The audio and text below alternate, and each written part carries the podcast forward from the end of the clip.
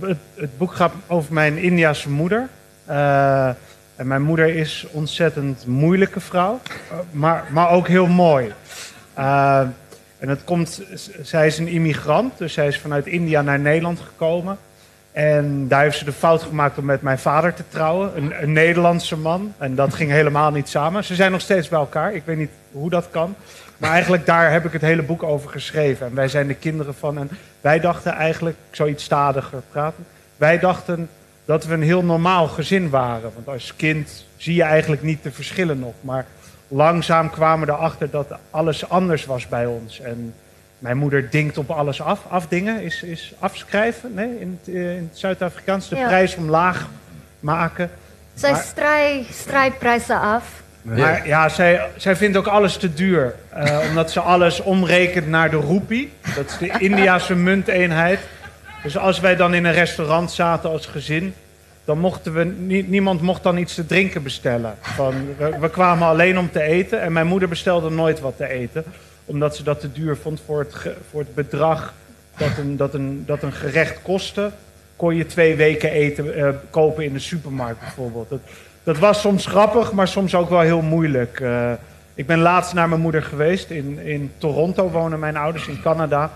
En ik was sushi aan het eten en met mijn moeder mee. En die wilde niks eten. En ik had een beetje sushi maar besteld. Omdat je toch wat moet bestellen in een, in een restaurant. En ik had mijn sushi besteld en, en de sojasaus. En wasabi wordt daar, dat groene spul, bij geserveerd. En dat deed ik in, in, uh, in, in de sojasaus. Maar niet alles natuurlijk. Dus ik, ik was klaar met eten.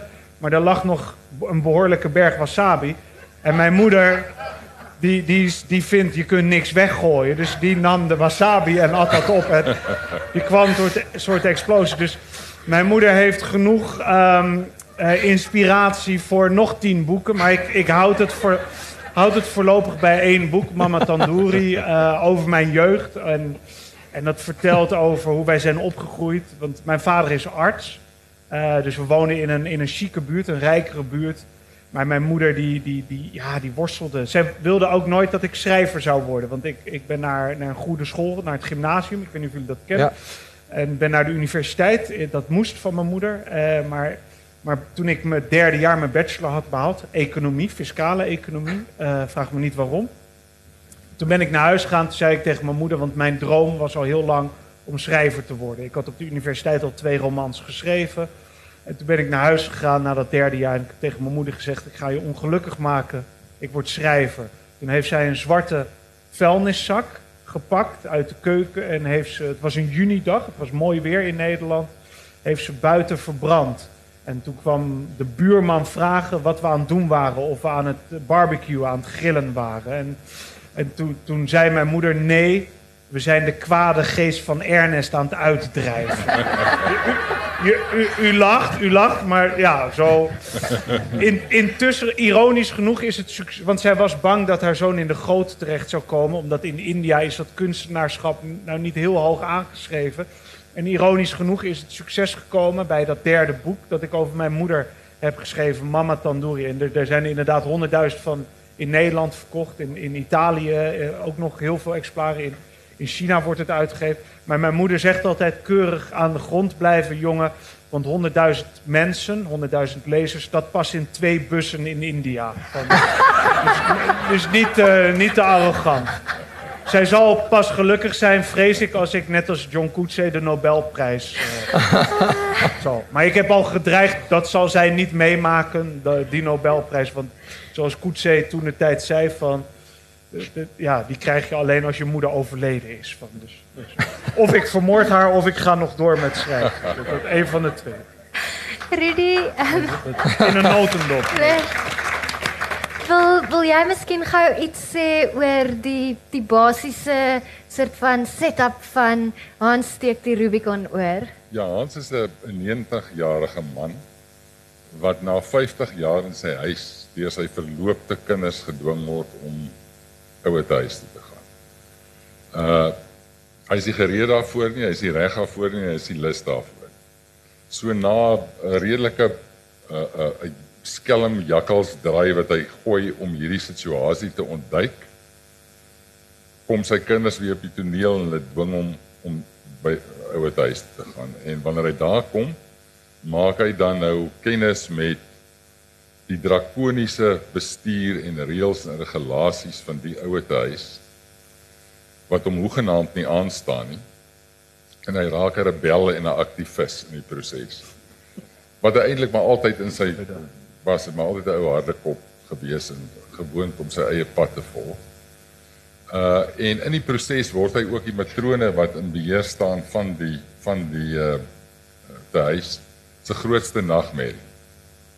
Want hy uh dink vir homself en hy doen goed wat nie normaalweg daar gedoen word nie en uiteindelik is hy ook die katalisator vir die verset van van die ander inwoners wat tot 'n grootskaalse paleisrevolusie lei in die in die ouer huis. Nou toe hy nou sy ma so in die storie bring, dink ek daar is 'n verband met my ma ook. Sy's 94, sy bly in 'n meentuis en sy is nie lus om na 'n proppe se aftree oor te gaan waar in een in een kamer nie. Ek het spesiaal vroeër in die jaar het ek Bloemfontein toe gery om vir haar te gaan oortuig. Was so 'n haans oomblik wat ek gehad het want sy kinders het hom ook gaan oortuig om om uit die uit die plek of hulle probeer. Uh maar sy was baie meer beter voorberei op my op my as gaan. Want sy het 'n groot glimlag gesê sy het haar naam klaar op die waglys gesit, maar dit sal nog so 2, 3 jaar duur. Want dit is 'n lang waglys. So sy het my bietjie daar getroef en ek weet nou al dat as hy gebel word om te sê daar's 'n oop kamer en sy sê skuif my af op die bank. Ja, nee, slaan my oor. Slaan my oor. So dis 'n kort Hans se storie. So ehm um, julle twee moet maar so om die beurt saam miskien gaan net vir ons die basiese soort van plot, nie die plot van die tel nie, maar die die karakters en die die basiese storie. Ek weet nie wie wil wie wil dit doen.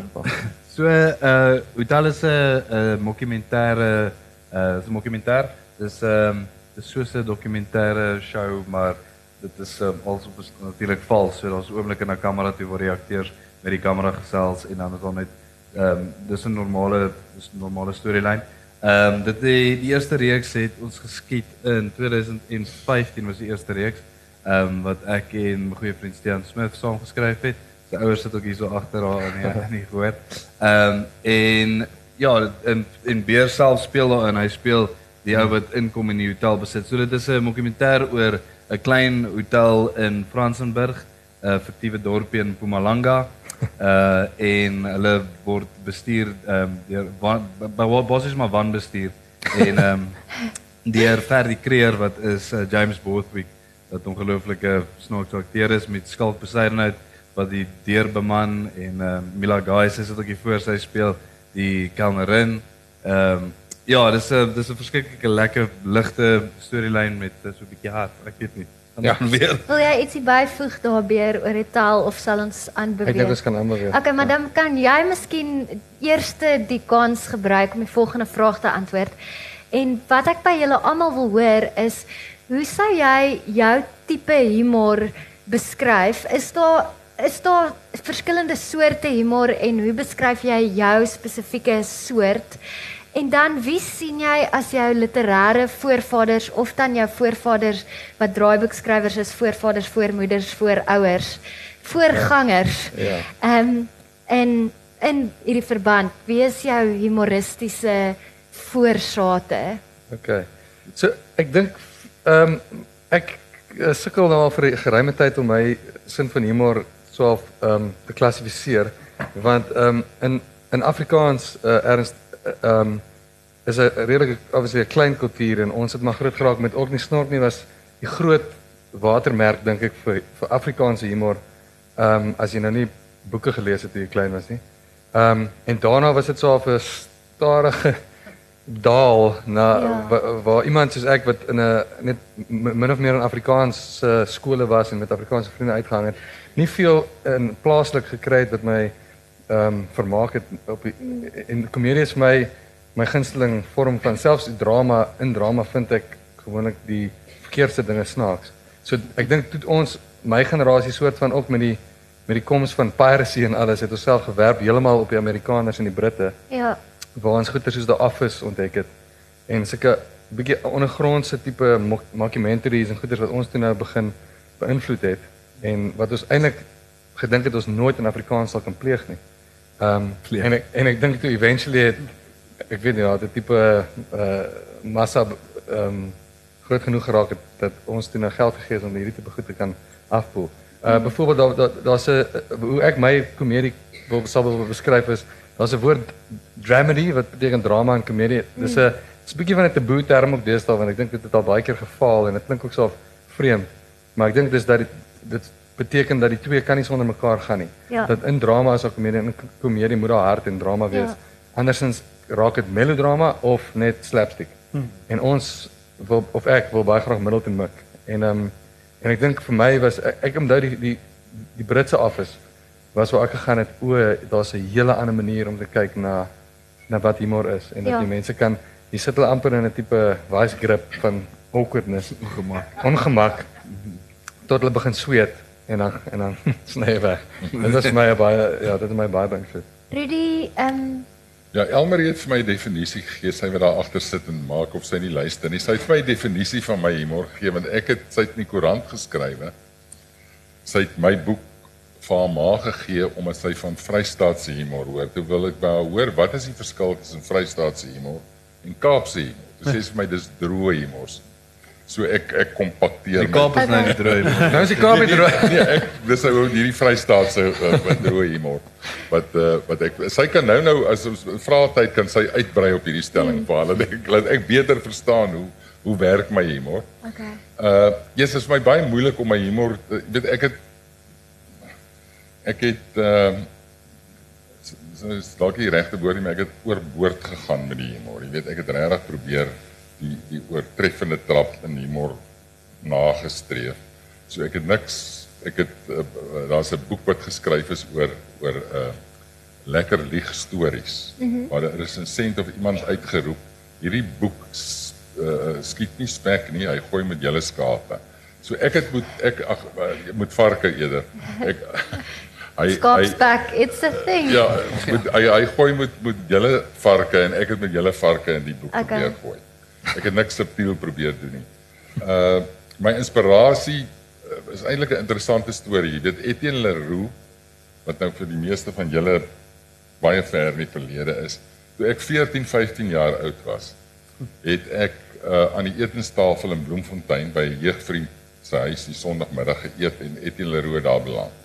En hierdie ou het my absoluut gevang uh, jy weet dit was net 'n ongelooflike ou om te ontmoet. In lewende lywe het In hy aan die tafel met sy gesit. lang hare, sy donker bril, uh sy swart klere, sy drie pakkies sigarette wat op die op die eetkamertafel uitpak en heeltyd rook terwyl mense eet.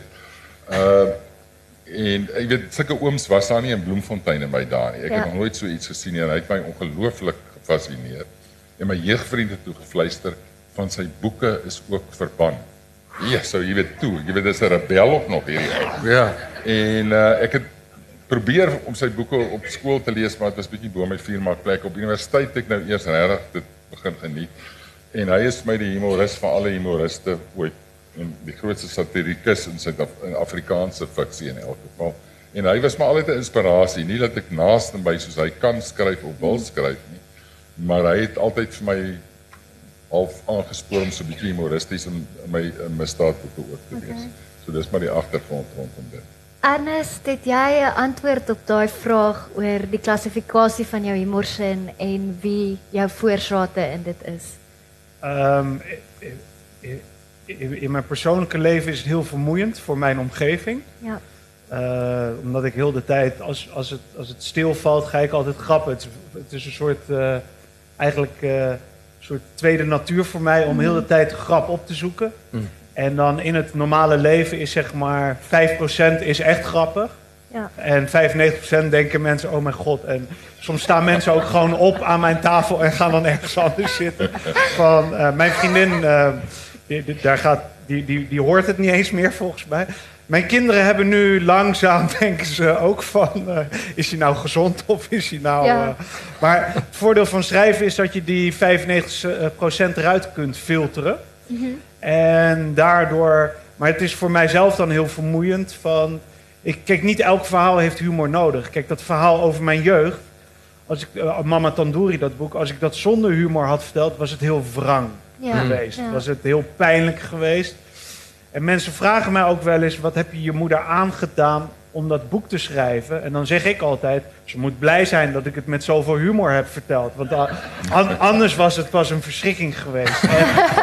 En, en, ik denk dat humor bij mij is vooral een, een middel om een verhaal te vertellen. En dit is bij, bij dit specifieke boek Mama Tandoori dan om dat verhaal van een jeugd te vertellen.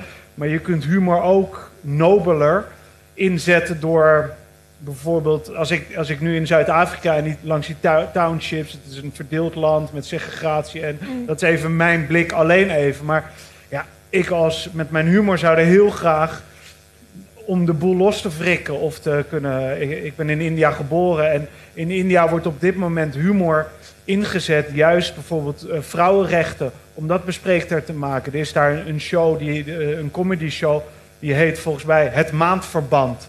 Ik weet niet, gewoon eh, alleen dat al. En, en dan wordt humor heel erg als middel gebruikt om, om een verhaal te vertellen, om dingen bespreekbaar te maken.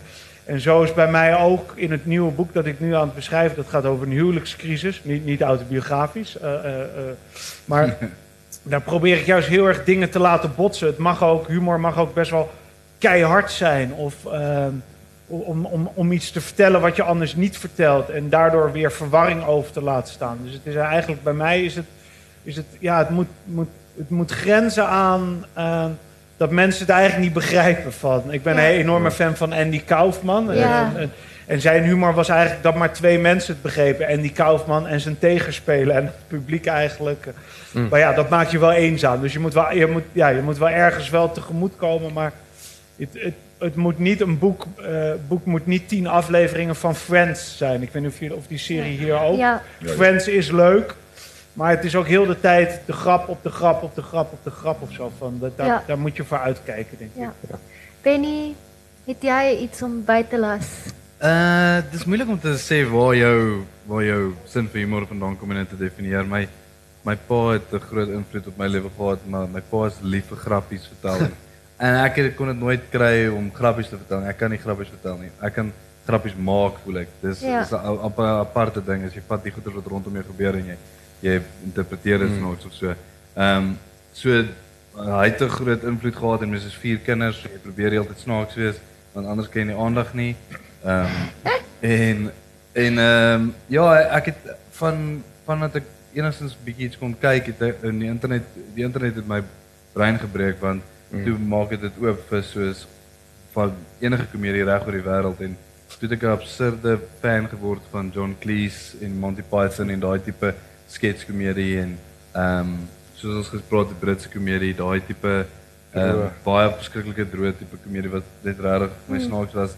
En ek soos ons gesê het en dis nie lelik nie, maar mense het naderhand no ehm um, is daar nie in televisie gewys goeders gewees wat jou regtig laat lag het hierdie kant nie en dan het mens maar 'n bietjie begin soek en ehm um, en ek dink daar was 'n groot mate van uh die tipe goeders waar mens grap. Ek dink vir my persoonlik hou ek maar meer van grappies noord van die belt en ehm um, maar net daai tipe want ek voel mens mens daar's is daar's ons 'n lyn van grappe wat is dit is maklike grappe om te gaan en daai goeders Ja. te sê want dit voel um, niemand wil daaroor praat nie sodat mense daaroor grappies maak en ek ek dink dit is daar's 'n mate daarvan wat nice is maar ek voel dit kan ook baie keer vinnig en goedkoop grappe wees waar die skoon tipe komedie in dit in te gaan en regtig te gaan soek na wat dit is. Dit is vir my lekker om daai te probeer doen. Okay. Ja. Ehm dan wil ek by julle hoor of julle dink dit is moontlik om 'n aanvoeling vir komedie te kweek en te ontwikkel. Ehm of moet dit absoluut natuurlik in iemand lê? En dan ehm is daar hulpmiddels, boeke, enige so iets wat julle teëgekom het wat wat julle daarmee gehelp het of was dit bloot die oefen van 'n spier? Ehm um, doen dit en doen dit en doen dit tot jy beter raak daarmee. Ek ek ek weet nie of uh, humor sin gekweek kan word nie, maar ek dink om te om te lag kan wel in iemand se huis uh, familielewe gekweek word. Ja. Vir, vir my was dit so hoewel my ons gesin selfs ernstige goed het ons altyd oor gespot en dan as daar iemand van buite af inkom soos 'n kind wat kom kuier dan sou hulle gedink het ons is eintlik besig om mekaar uitmekaar uit te skeer, maar ons is besig om te, te jokes te maak. Ja. Kyk en en en dan die die, die go-to reaksie op selfs ernstige goeders was altyd lag. En ek dink daaruit kan elke persoon dan nou maar so op sy eie customized humor sin Ja. opbou. Maar ek weet dit, dit is nogal moeilik om ek dink 'n crash course in wat jy moet snaaks vind want want om te lag is tog 'n onwillekeurige reaksie. Ja. Uh, nes om te skrik is. So ek dink jy kan dit in iemand inboor nie. Ek en dit is interessant soos ek dink daar's 'n mate van jy moet jy moet komedie hê in jou en jy moet bietjie 'n timing ding hê in jou.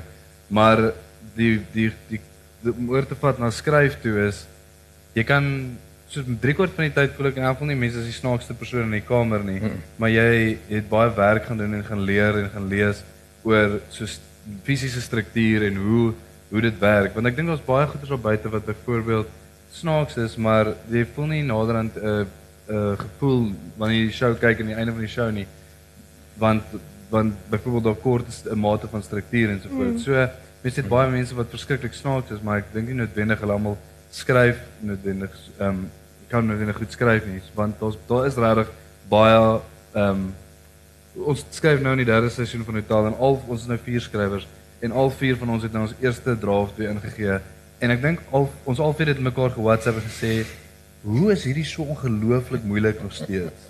Dit is regtig, Ja. dit is nog steeds dis regtig moeilik en dit daar's baie struktuur aan um, aan dit, maar daar is baie om van te leer. Ehm um, die om 'n om 'n sin vir komedie te hê is inherënt dink ek en en baie mense het dit, maar daar's ons baie wat jy kan gaan oplees en opleer oor struktuur ja. en ehm um, die manier hoe jy duisend maniere hoe jy 'n grappie kan kan afspin. Hoe voel jy daaroor? Het jy het jy al opgelees daaroor of eerder net gelees? Weet jy ek ek hou normaalweg van komedie. Ja. Uh maar baie donker komedie. Ek weet donker humor is vir my baie ek, ek het al agtergekom dat ek spontaan kan lag vir goed waaroor ander mense stil Ja, bly of dink ja. dit is hoegenaamd nie snaaks nie. So dis vir my altyd 'n moeilike een daai. En uh omdat humor so 'n subjektiewe ding is. Eers dis verskriklik moeilik omdat jy nie weet jy lag vir iets wat ander ouens nie vreemd vind nie, maar jy's die skrywer nou van hierdie boek.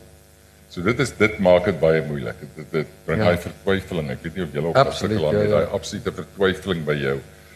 Is dit nou regtig snaaks? Jy weet jy jy bevraagteken jou heeltyd. Uh in Hans se geval het ek uh weet ek het nou maar geskryf soos ek gedink het dit is snaaks elke oggend gedink, elke aand wanneer ek weer skryf gedink dit is nie snaaks hierdie goed nie. Maar in elk geval dan dan dan glo jy maar in jouself en jy gaan aan. Uh al wat ek gebruik het is ek het ou omdat ek Hans se ou wêreldse taal wou gee. Het ek ou spreekwoordeboeke in die hande gekry van die 1960s en so meer en daarop uitdrukkings uh, afgekom wat hoegenaamd nie meer uh, gebruik word in die Afrikaanse taal Ja. nie, wat ek ingeweef het in sy taal uh wat my baie gehelp het. Dis my enigste navorsing kan ek maar sê wat ek gedoen het. Dit dit werk baie goed. Dit is een van die soort van pittigste dele van die boek is definitief die manier hoe Hans praat en mens lag hardop daarvoor. En wat ek dink wat interessant is daarvan is dit is nie dit is nie tegnies humor, dis eintlik maar net 'n spreektaal wat uitgestyg Wat- het, maar in die het. konteks Ja. is dit verskriklik snaaks Ja. om dit te lees.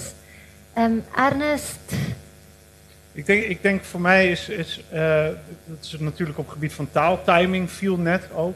Ik, heb, ik heb van, eh, jij noemde net ook John Cleese, eh, bijvoorbeeld Fawlty Towers.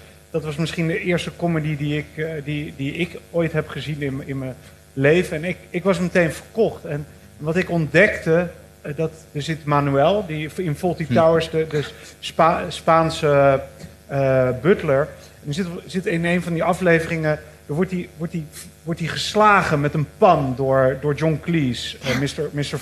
En eigenlijk als je dat isoleert, iemand gaat met een pan, slaat er iemand op zijn hoofd van...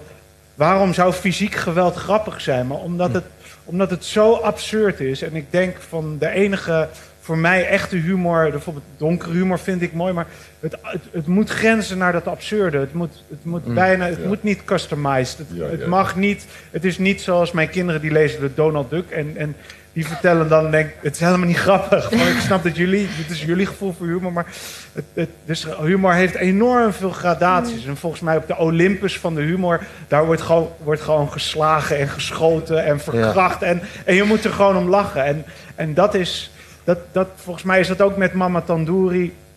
De dialogen tussen mijn, mijn, eh, mijn, mijn moeder en mijn vader, dat, dat, dat, dat mijn vader zegt van tegen iemand die haar, haar kent dat er iets heel pijnlijks is gebeurd, dat mijn vader zegt: bedenk goed, eh, eh, je bent niet met haar getrouwd, er is, is niks aan de hand. Maar dat wil zeggen dat hij wel met haar getrouwd is. Dus, maar door dat, dat voor je eigen vrouw uit te spreken, tenminste in een boekvorm, dat, dat, dan ga je, het is niets ontziend of zo. En dat, dat Ja. vind ik mooi van humor, dat je dat kan teweegbrengen. Maar dat is altijd, ja, het is moeilijk om, want je balanceert wel op een, op een, op een, op een ja, op, Ja. op dat randje. Maar volgens mij dat evenwicht, dat, dat moeilijke evenwicht te zoeken is volgens mij de kracht van humor. En ik weet niet of jullie ook de, de Office kennen van, eh, ja, Ja. Ja. voor- als je dat, ik, ik heb in Italië gewoond en ik heb dat aan Italianen laten zien. Ik begreep het totaal niet. Ja. Omdat, omdat, ja, omdat daar eh Fawlty Towers en Monty Python... In Italië is dat helemaal niet uitgezonden. Dus dan, als je dan in één keer de Office laat zien... dan, dan, dan mis je de opvoeding van... Die denken Mm. echt, wat is dit? En van eh, de Office van eh, David Brent... Ja.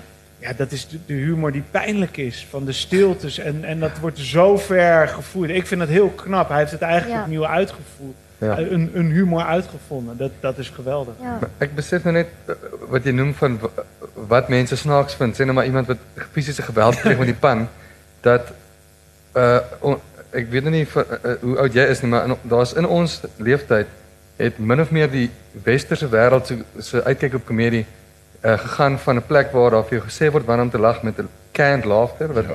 ingepomp word letterlik en mense f- forceer om te lag nou dit het weggeval met iets soos The Office wat dit weggevat en 'n klomp ander daar's 'n re, er string reekse wat dit reg gekry het. Maar wat jy skielik gegaan het ek vind daai snaaks en die ou Lansie vind weer iets anders snaaks maar en want ek het al baie keer ek wonder hoe dit is met 'n skrywer want jy's nie daar wanneer iemand lees en chuckle nie. Uh, ek het gister in die vliegtuig langs Benny gesit en hy het my teks gelees en ek het altyd so gekyk of hy lag maar hy maar hy sê en as hy nie lag nie dan sê ek hoekom lag jy nie daai is daai is die beste maar ja ek het al by die silverskerms Ons staan en- praat. ons sal praat as jy in 'n as jy in 'n gehoor sit en Hij jy was in slaap gevallen. Ja. ja. As jy saam met 'n gehoor jou jou ding kyk en en hulle lag nie vir die goed wat jy gedink het is snaaks en dan sê en dan lag hulle vir iets heeltemal anders, die pan of wat ook al en dan dan besef jy hoe ontwykend is is humor Ja. eintlik, ja. Het is ook heel mooi om, eh, in Nederland bezoek ik, eh, doe ik veel lezingen. En soms eh, ook veel op scholen. Maar soms sta je dan voor, voor te jonge kinderen. Omdat die, die docenten die willen heel graag dat, dat ze meer gaan lezen. En omdat ik wat grappiger ben, is dat makkelijker Ja. voor hen. Maar het gevoel voor humor is nog niet ontwikkeld. Dus dan sta je te lezen en dan blijft het gewoon enorm stil. Maar dat is ook een soort oefening. Ik vind dat dan bijna Ja. grappig. Ja. Dan denk ik echt, oké, ja, er komt maar niks terug. De kinderen denken, wat, wat, is, er raar, wat is er aan de hand? En, en jij denkt... En, en dan heb je na afloop die, die leraar die je gaat geruststellen en troosten. Het wordt eigenlijk alleen maar pijnlijker. Of zo. Ja. Ehm so Rudy, ek wil spesifiek by jou hoor wat uh, jy het 'n hele reeks spanningsverhale geskryf en toe nou gaan sit en met Hans gewerk vir 'n tyd. En is dit is dit iets anders om 'n boek te gaan skryf wat nie so seer op 'n plotpunt draai of uh, het jy die humor moeiliker gevind, makliker, was die proses anders? Ek kan vir jou onomwonde sê. Dis makliker om mense bang te skryf as om mense te laat lag. Okay. Dit is 'n feit. Ek het dit agtergekom, jy weet, dit, dit dit is baie moeiliker. En jy weet jy werk moet moet uh, waar jy moet uh, misdaad fiksie mee met die werklikheid werk in die sin dat ouens nie probeer snaaks wees nie. Moet jy nou uh, eintlik weet absurde en ek ek het aan Hans absurde absurde en oordrewe uh struikelblokke gegee wat hy Ja. dan nou op uh, ewe absurde maniere oplos. Jy weet dit is altyd moeilik en en uh, wat help is dat 'n ou uh met 'n boek waar jy oor ouer mense skryf, hè. Jy weet jy situasies waarin ouer mense wat wat dit baie snaaks is as ouer mense daarbey by betrokke is, sou glad nie snaaks gewees het as jonger mense daarbey Ja. betrokke Ja. is nie. So jy gebruik daai liggaamlike uh belemmeringe van hulle bietjie om om dan nou weet iets snaaks te skep uit die situasie uit. Maar dit was bitter moeilik. En en die en soos ek aan die begin gesê daai vertwyfeling. Toe, toe ek my finale proewe lees, toe is daar absoluut geen sin in daai boek wat vir my snaaks is. nie. en 'n Ja. klaaglike mislukking het so voor my voor Ja. my opgedoem. So dis baie moeilik, jy weet, Ja. 'n ou betwyf van Het, jouself. het jy bevind vir my die groot les was, skus dat ek nou inchip asseblief. Asseblief. Maar ek het vir 'n baie lang tyd met my skrywe dan dink ek om amusing, om amusant te wees, pittig is komedie. Ja. Maar dit om iemand te laat lag is nie om iemand te amuse nie. Dis 'n Ja. dis 'n eintlik 'n reuse verlei tussen die twee. En jy kan as jy iets skryf dan gaan jy, "Ag, oh, dis amusing." Ja. Ja. Dit is dit is om snaaks as ou mense of iemand die nie. Ja, ja. En dan is maar dan vir enigiemand anders is dit net o nee, dis net niks nie. Dan is jy so o, Jesus, daar's regtig 'n groot Dis die uitdaging. ja, Dis die- gaping tussen die twee. Ernest, so in jou boek haal jy ek kan nie presies onthou wat die skrywer is wat hierdie gesê het nie. In Suid-Afrika ken ons hierdie aanhaling via Antjie Krog. Sy sê dit gereeld dat wanneer 'n skrywer gebore word, sterf 'n familie. Ehm Nog een keer hoor, ik heb het niet begrepen. um, wanneer 'n skrywer gebore word, sterf 'n familie. Ah ja, ja, ja, ja. Ehm en jy sê dit op 'n punt in jou boek en ek het gewonder, ehm waar vind jy die lyn hoe ver die die eerste vraag is eintlik tot op watter mate dik jy aan om jou jou verhaal wat eintlik nogal pynlik is humoristies te maak?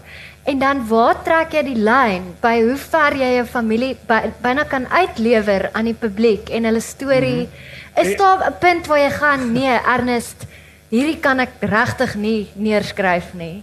Nee, de, de- ik, ik, wil mezelf nooit censuur opleggen op enige vorm van. eh, hier mag ik. Kijk, je- het is een autobiografisch boek, een, een memoire. En je- er zijn natuurlijk twee mogelijkheden. Of, of je schrijft het helemaal aan het einde van je leven. Dan kijk je terug op, op, op dat leven dat je hebt gehad. En het voordeel daarvan is dat alle betrokkenen, of de meeste betrokkenen, zijn dood. Dus je hoeft je niet schuldig. Of je schrijft het en, en je, je riskeert dat je de bom onder de familie legt. En, en je niet, niemand meer spreekt, nerg, niet meer voor kerst wordt uitgenodigd. En, en, en, en fatwa's worden uitgesproken en, en, en, zo, en zo verder. Maar eh, alles is mogelijk. Ja, de vuilniszakken verbrand. En, eh, je- dus ehm, nee, ik, ik probeer juist door... eh, ik, ik maak het alleen maar erger. Van, eh, het, een van de commentaren van mijn moeder was ook over het boek. Het, gaat, het, het middendeel van het boek gaat over mijn oudste broer, Ashuwat. Hij is verstandelijk gehandicapt. Eh, dus, dus, dus kan niet lezen, kan niet rekenen, kan, kan, kan niet fietsen ook, omdat de, de oriëntatie. En, en mijn moeder, voor mijn moeder was dat altijd heel moeilijk. Zij is een Indiase vrouw, eh, een allochtone vrouw. En de eerste zoon is altijd het belangrijkste. Ik ben de derde, ik ben wat min- minder belangrijk. Eh, en voor haar was het altijd heel erg belangrijk dat hij gezond zou worden. Zij heeft er altijd in geloofd. En zij is als, eh, als hi- hindoeïstische vrouw, zij bad ook, bidt ook elke dag. En dan ook voor zijn gezondheid. En, en dat was bij mijn moeder zo sterk dat ze ook naar... In Nederland is ze naar Jomanda gegaan. Dat was een soort medium dat, dat water inzegende zo. En dan als je dat dronk, dan, dan, eh, dan was je van je blindheid genezen. Of dat, eh, dus, maar als je daarin gelooft... En ik heb in mijn boek, gaat, gaat mijn moeder ook naar Jomanda. Ik ben er nooit mee geweest. Maar ik laat haar ook naar Lourdes gaan. Met mijn broer. En, en daar, daar, daar laat ik verschillende bizarre situaties ontstaan. Wordt alleen maar pijnlijker, erger. En, en, en, eh, en mijn moeder zei van, ik ben nooit naar Lourdes gegaan. Toen zei ik, nee, maar dit is wel zoals het had kunnen zijn. Zoals het had kunnen gebeuren. En toen, Ja. daar moest ze wel om lachen. Omdat ze dan wel weer begreep hoe ik werkte. Hoe, hoe je de, Ja. de, de dingen kunt, kunt opzoeken. En dat, dat in Lourdes is nog net geen massaslachting tussen mijn moeder en de katholieken. En, de, en, en mijn broer Asje, wat die gedragsgestoord is ook. En die in dat bad wordt gedouwd en daaruit wordt gehaald door een non. En die alle kleren eraf trekt. En weet ik veel wat. Maar je, je, het moet ook, je mag ook humor naar een bepaalde climax eh, Ja. eh, opvoeren. Dus bij mij is juist... de ik denk als je jezelf geen, geen grenzen oplegt... Dat, dat, is, dat je het laat ontsporen. Dat is mijn gevoel voor humor. Maar dat heeft als risico dat je voorbij de humor gaat eigenlijk. Ja. Maar ja, ik, ik kan daar zelf heel erg van genieten. Maar ik weet dat andere mensen... Bijvoorbeeld Mama Tandoori is onlangs in, in de UK, in, in Engeland verschenen. En als je naar Amazon, Amazon eh, gaat van de, eh, de Engelse markt... Dus daar een drie sterren of twee sterren recensie. Eh, this is not humor, this is sick. Heeft iemand, Ja. this woman is sick. Dus, dus dan denk je, oké, ja, zo kun je het ook lezen als je, als je niet meegaat of ja. zo. Van, eh, Ja. Okay. Um Benny, wat interessant is van kom- komedie skryf vir 'n draaiboek is dat dit nie daar ophou nie. Jy skryf nie en is snaaks nie. Dit moet oorgegee word aan iemand wat dit moet uitvoer. En ek ek wonder of jy iets oor daai dinamika kan sê of daar soms oomblikke is wanneer jy teleurgesteld voel want iets werk op papier en dan werk dit nie op die vloer Ja. en voor die kamera nie. Um hoe- net dalk iets daaroor. So dis dis 'n dis dis baie interessant ehm um, waar 'n boek wanneer jy hom skryf dink ek is dit oorgelaat aan die aan die aan die leser om dit te interpreteer en dit snaaks te hê maar ehm um, met komedie in, in terme van jy film is daar drie fases wat alles moet goed gaan vir dit om snaaks te wees. Dus jy die teksfase moet dit snaaks wees op papier of wer, net werk op papier. Dan moet dit reg geïnterpreteer word deur die regisseur en die akteurs en dit moet snaaks wees dan. Maar dan een van die belangrikste goeders wat verlore raak is die is die edit in die einde Ja. is om 'n om 'n om 'n editor wat sê um, Redigeerder. redigeerder te kry wat ehm um, wat ook goeie timing het. Ja. Maar ek ding is altyd ek wil hê 'n redigeerder moet my 'n grappie vertel en as sy timing uit is dan kan hy nie dit- dan kan hy nie nie. edit Ja. nie want dit is verskriklik belangrik en dit gaan ook verlore. Maar ehm um, baie keer as jy so opgewonde vir vir 'n grappie op op ehm um, op teks en dan dan doen jy dit op op die dag op op stel en dan is dit net nie so snaaks nie. As dit soos jy verstaan nie alles werk hierso dit is en dan doen hulle dit en of jy sien dit op TV en dan is dit soos daai wat glad nie gewerk nie of 'n ding wat glad nie vir jou so snaaks is op bladsy nie Ja. en dan gee skalk Poseidon nou net 'n snaakse kyk en jy lê. Ehm Ja. so dit is baie interessant en en ehm um, wat baie lekker is van ons proses is dat ons is verskriklik oop van teks na skiet toe om regtig pret te gaan hê en die skrywers en die regisseur 'n kans te gee om eintlik ook maar weer te skryf terwyl jy dit skiet. So Ja. ehm um, ons almal vertel die storie saam. Hierdie is die blueprint en dan van daar af gaan ons en ehm um, en en en dit is amper al 'n mooi oop deur en ons omring onsself regtig met mense wat beter is as ons in 'n groot mate. Ehm um, om om almal te help om dit om dit om dit goed en Ja. snaaks te maak. So ehm um, dit is 'n spansport. Wat vir my snaaks is daarvan is dat jy sê nou van die drie fases uh die skryf en die opvoer en dan die redigering. Ehm um, maar dit werk net een kant toe. Jy jy kan nie van 'n slegte teks af uh Ja, ja, 'n ja. goeie bittermin kan jy jy kan miskien met 'n pox 'n goeie performance uit skalkie kry. maar En beer, beer is ook goed. en uh, maar jy jy sal dit nie van die ander kant af kan red nie. Jy kan dit Ja. net so as so as die teks uh, sleg is, dan bou jy sonder 'n fondasie Ja. en dan gaan da, jy kan dit basies van die begin af sien. Dit gaan nie snaaks wees nie. En Beer, ek wil die volgende vraag vir jou vra. Eintlik ons praat nou nie vandag spesifiek oor buurtwag nie, maar dit was vir my 'n interessante fenomeen want buurtwag was volgens my een van die snaakste goed wat ek gesien het en die gehoor meeste van die die hoofstroom gehoor het dit nie verstaan nie. Hulle het werklik nie verstaan wat wat gebeur met hulle nie. Ja. En ek wil iets weet oor eerstens die tydsgees. Dink jy 'n mens kan net op die verkeerde tyd met die verkeerde komedie na die verkeerde gehoor toe kom? Ja. En dink jy daar's 'n manier om gehore te ontwikkel om saam met ons te groei na nuwe komedie en nuwe maniere van dinge doen? Ek dink absoluut so. Ek dink dit is dit was belangrik om die eerste ek het nou net genoem die dramedy. Ons het daar vir die eerste keer op kyk net wat 'n uh, ons Afrikaanse televisiekanaal is.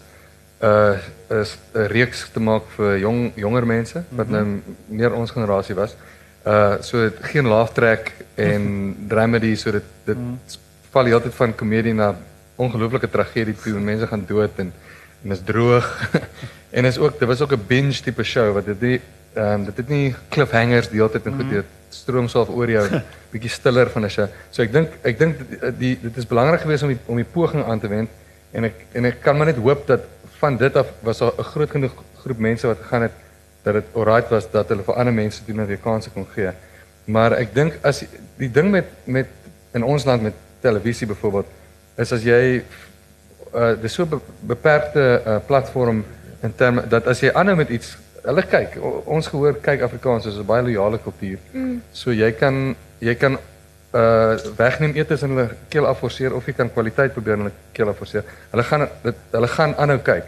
So ek dink op daai manier kan jy definitief 'n uh, gehoor kultiveer of kweek ehm um, vir wat ook al jy wil doen en dan kan ons nou maar net hoop dat ons dit in die regte in die regte rigting kan stuur. Nie dat ek nou sê ons rigting is reg nie, maar ek bedoel maar net Maar dit is baie interessant soos selfs met met hotel is um, toe ons dit begin doen het um, om my om kyk net se Facebook bladsy dop te hou is Ja, fantasties. ja, daar's Simon. Ehm, dit is dit is verskriklik lekker. Die tan baie van die tannies is ek verstaan hierdie nie. Hoe is hierdie snaaks gesnerd, dis bog. die slegste ding wat al ooit met Afrikaans gebeur het. Ja, Dit het maar maar dan dan is die jong mense weer baie van dit gehou en dan stelselmatig dan kom die kinders by die huis en hulle almal kyk dit op op SketchUp en nou sit die ouers nou maar saam en en ek glo vas dit is omdat jy lief raak vir karakters en jy en, en jy raak gewoond aan dit dat jy naderhand by seisoen 2 hierdie mense begin anders daarna kyk. Ouer mense geniet dit so bietjie meer want ek dink dit is maar net soos dis iets om aan gewoond te raak. Sodra jy gewoond aan dit is, dan is dit reg. Dis mense, dis normale mense wat reg op 'n- 'n- op 'n situasie reageer maar op 'n interessante manier. Ja. Absurd reg, ja. Ja.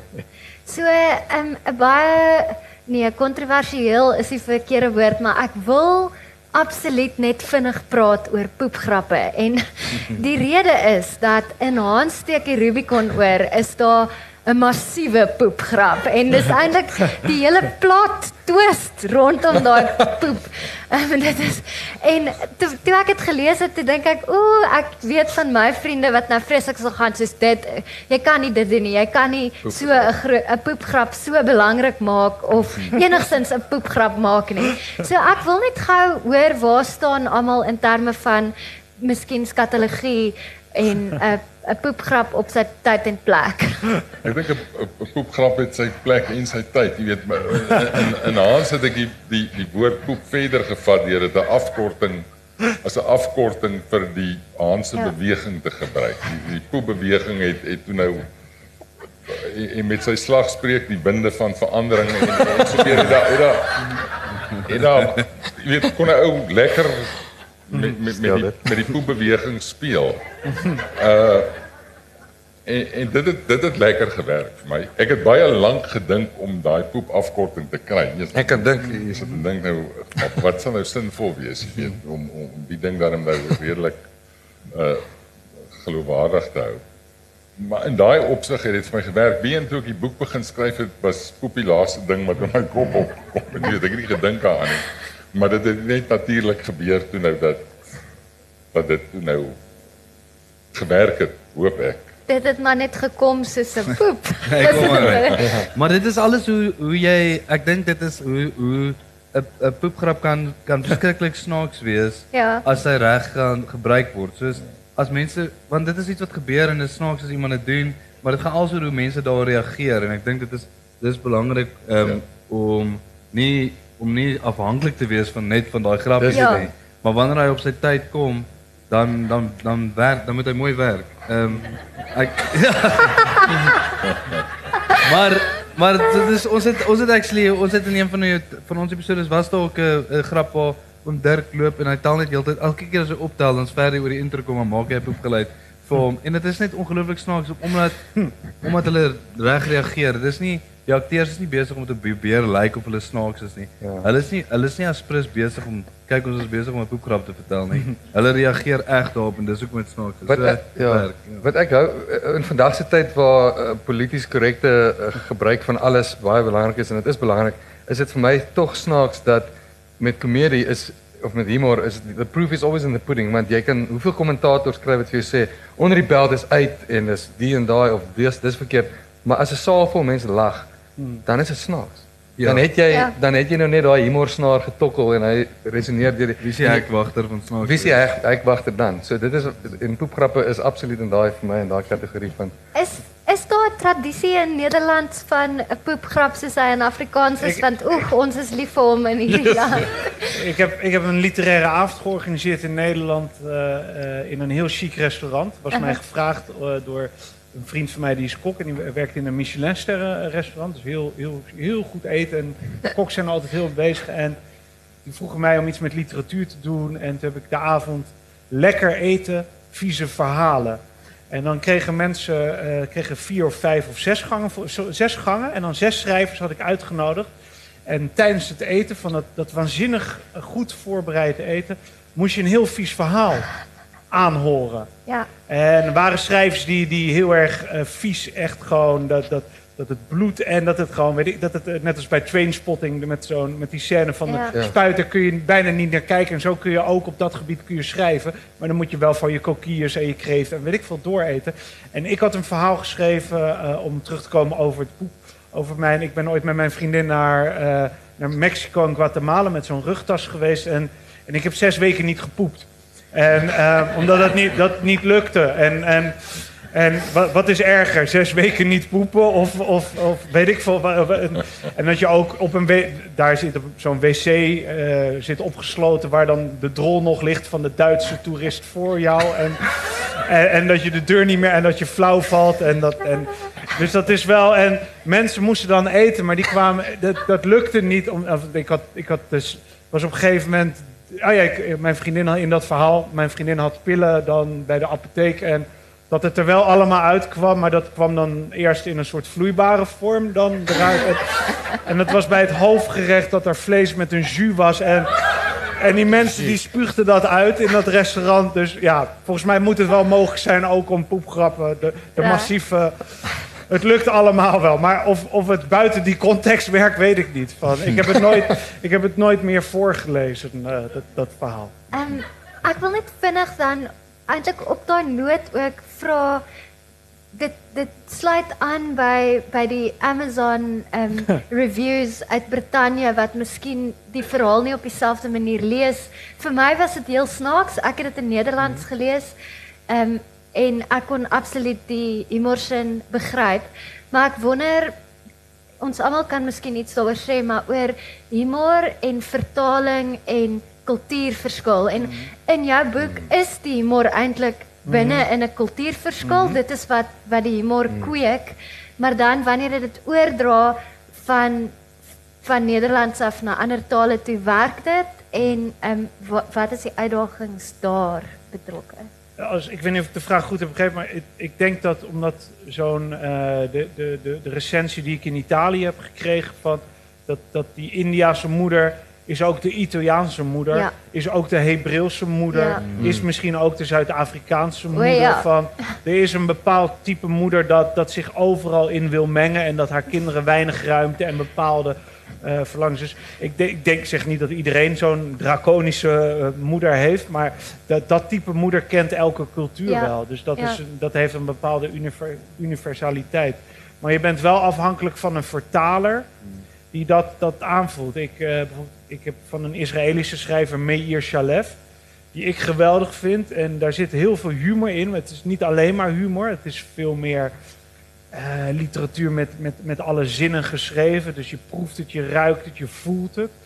En ik heb dat boek, ik heb dat in Nederlandse vertaling gelezen. Ruben Verhasselt is, is de vertaler. Ja. En ik ben er helemaal gek van, van Meir Shalev, die schrijft. En ik heb mijn vriendin, die leest, die leest dan in Duits, dat is haar moedertaal, heb dat geschreven. En daar zat ik ook, lag ik in bed en ik las een boek en zij las de vertaling van Meir Shalev in Duits. En ik zat ook de hele tijd van, waarom lacht ze niet? En toen ik dacht, nou ja, er zijn er twee dingen. Of ik maak de verkering uit, van, eh, dat, dat, ja, als jij niet lacht om mij, dan, dan hebben wij geen toekomst samen van. Dan moet, dat, dat, dat, kan, dat kan toch niet als ik iets Ja. grappig vind en jij niet. Van, Zo streng moet je zijn in het leven. Maar toen ben ik zelf dat boek gaan lezen. En die vertaling was gewoon niet goed. Ah. Gewoon de humor was er vakkundig uitgesloopt, kon je wel zeggen. Ja. En daar was ik wel heel erg van geschrokken. En ik ben heel erg blij. Kijk, ik kan dan een paar vertalingen kan ik lezen. Duits kan ik lezen. Italiaans kan ik redelijk lezen. Engels kan ik lezen. Maar Chinees weer niet. En, en Ja. Kroatisch en, en andere talen. Maar de Duitse vertalen, eh, niet bij Mama Tandoori, want dat moet nog verschijnen. Maar De IJsmakers is een ander boek dat Ja. ik heb geschreven. Er zit ook veel humor in de, in de dialoog. En, en die had het nog beter gemaakt. Dat, Ah. dat ik het las, dacht verdorie, dat die bepaalde, bepaalde klemtonen net... Dus hij, die had een bepaalde vrijheid genomen in de dialoog. En dan dacht ik van wauw, die, die heeft het echt goed aangevoeld. En bij, bij die stem van, eh, van, van, van- bij het, van het origineel... eh, maar dan toch wel naar zijn eigen taal weer kunnen vertalen. Da- daar was ik heel blij mee. Want dat is wel een risico natuurlijk, dat je in een vertaling... dat je dingen kwijtraakt. En ik was heel erg geschrokken Ja. van de Duitse vertaling van Mir Shalef toen. eh. Ehm so jy het ons ehm film vertaal. Ons het 'n film val was goed dat ons ehm onlangs vrygestel is. wat van vandag af op box office is. Gebruik jy dit? Ehm maar ek weet jy lei nou die vraag ding en wat ook al, maar hoe is dit vir jou wanneer jy dit vertaal want dit is dit is ons het ons het redelik ons ons mense wat ehm um, wat eh uh, val was goed geniet het maar hulle verstaan nie 'n woord Afrikaans nie en dit het baie 100% te doen met die soos vertaling en die subtitels. Wat is jou proses met dit? Ehm um, ek met 'n film wil ek baie graag terugvoer en samewerking hê van die regisseur en die skrywer want ek voel dat 'n 'n grappie moet idiomaties vertaal word. So dit gaan nie dieselfde grap in Engels wees nie.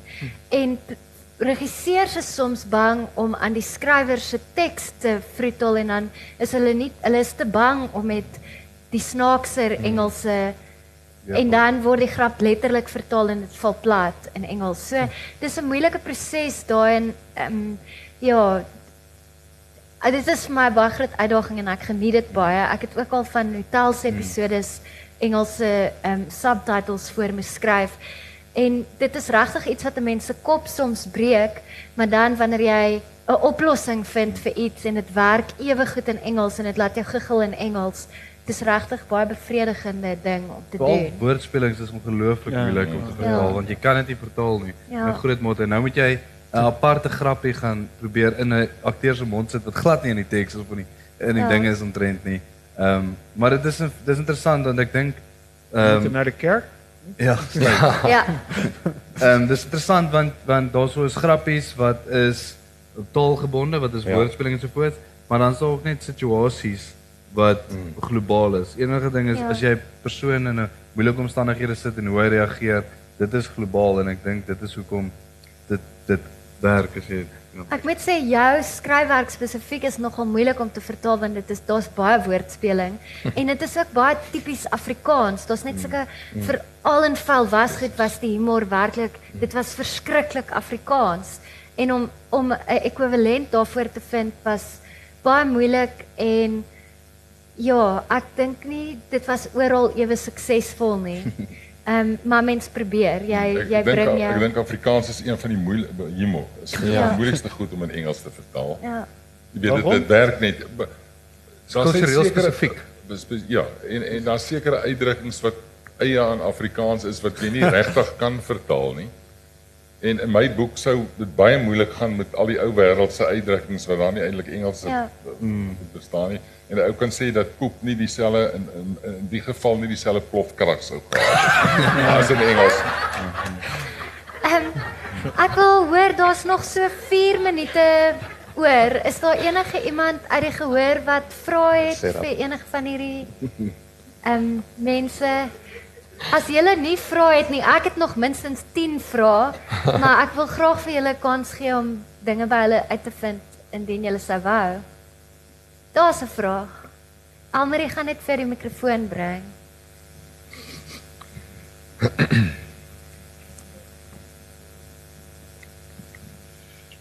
Ek wil net hoor wanneer kom Hans wat deelneem aan Kodessa uit. Ek hoop julle kan die Afrikaanse sin vir humor daarin verstaan. Maar dan wil ek net 'n opmerking maak dat ehm um, my skoonpa, hy word hierdie jaar 87 of 88. Deesdae lees hy glad nie meer. En uh ek het op 'n uh, snaakse manier op ehm um, Hanstekkie Rudikom oor afgekom. En terwyl ek in die boekwinkel staan, toe kom die gedagte by my op, ek moet sommer 3 koop. Een vir myself, een vir my skoonma en een vir my skoonpa. En uh, ek het die boek gelees en ek het dit geweldig ehm um, vol humor, ek het dit geweldig baie geniet. Toe gee ek nou al twee boeke nou van een van my skoonpa en een van my skoonma my uh skoonpa die boek net eenkant neergesit en hom gefokus op die televisie. Ek is nie seker of hy na die hotel uh, reeks gekyk het nie. Maar toe het my skoonma gegaan en een of twee staaltjies uit die boek voorgeles van my skoonpa en julle sal my nie glo nie. Na my skoonma omtrent twee bladsye gelees het, het hy begin en hy die hele boek deurgelees van Hans steek die Ru- Rubicon oor. So baie dankie, ek dink hy het gesuk sukses gemaak daarvan. Baie dankie. My ek ek wil ook vinnig vertel dat my ouma het oor Desember by ons gekuier en nadat ek die boek vir haar gebring, nadat ek dit gelees het en net gedink sy sal dit baie geniet. Sy was nogal op 'n lae plek en nie sy wou net op haar bed lê en nie eintlik met ons en ek het die boek vir haar gevat en sy sê ja, sy's nie regtig lus vir lees. Toe kom sy so 2 ure later uit die kamer uit het sy die hele boek deurgelees in een lê. Ehm um, en toe was sy dadelik ek moet vir haar nog boeke bring. So ehm um, Baie dit. Lekker om Ja. sulke terugvoer te kry. Ja, en dit dit is 'n lekker boek om te lees en dan wil ek ook net vinnig vir almal sê, ehm um, Mama Tandoori is werklik waar 'n boek wat jy moet probeer lees. Ehm um, ja, dit is beskikbaar. Jy kan dit maklik koop vir 'n Kindle of so en ek dink daar's 'n redelike moontlikheid dat Protea boeke dit sal Ek, hê. ek heb er een paar bij me. En ah, skrywer het 'n paar hier in die boekwinkel te koop. Ah, Werklik. gelukkig. Lees dit asseblief. Dit is regtig 'n heerlike boek. Daar was nog 'n vraag aan daai kant. Divan. Am- Almarie, sal jy vir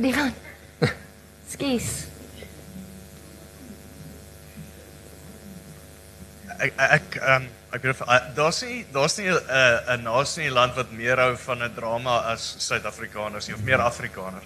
Ek wil weet, is daar verbintenis tussen happy nations, gelukkige nasies en hulle um appreciation vir vir humor. So hou ons ek weet en dis waarmee ek dink waarmee julle sukkel is hoekom hoekom 37 is daar nie 'n uh, komedie op nie en hoekom is ons so gek vir 'n drama? So is dit omdat ons so ongelukkig is of wat is die verbintenis? Ek dink definitief 'n volk wat nie lag, wat nie lag, eerstens lag nie en tweedens nie kan lag vir homself nie is in die moeilikheid. Ek dink ons is ongelukkig as 'n kultuur, nie dat ons homogeen is nie, maar baie keer in daai in daai territorie waar ons nie vir onsself kan lag nie want ons vat alles baie persoonlik op want ons voel permanent onder beleg. Maar ek dink en ek dink dit is hoekom ons meer moet belê in komedie altyd en en probeer om daai humor golf deur te deur te laat spoel. Ehm um, ja. Iemand soos die die Spanjaarde en of sê nou maar die die Latin Americans kan het 'n uh, ingebore sin van lag eerstens vir alles en dan vir hulle self wat ek ek bewonder dit nogal. Ja. Nee, ek het ehm um, ek het nie ek, ek wou sê niks, ek wil nie antwoord nie. maar ehm um, ja. Nee, ek dink ek dink ek ek weet ons het 'n verskriklike sin vir humor Suid-Afrikaners. Ehm um, en mense is, is Suid-Afrikaners Afrikaners is verskriklik lief vir lag, maar dit is interessant hoe die reaksie op komedie. Ek vers, ek ek verstaan dit ook nie en dit is asof hulle is baie spesifiek oor waar waarvoor hulle wil lag. Eh uh, dis interessant. Ek het ek het wel een eendag 'n aktrise hoor sê dat Afrikaners sal lekker lag as goed vir hulle belaglik is, maar sodra dit 'n spieël ophou en dit lyk te ja. naby aan die waarheid, dan raak hulle geweldig ongemaklik en dan wil hulle nie meer lag nie. Ehm daai gepiep van my foon was my timer wat sê die tyd is verby. Ehm baie baie dankie vir almal wat kom luister het en ek hoop ons sien julle by nog boekgesprekke. Dankie. Baie dankie.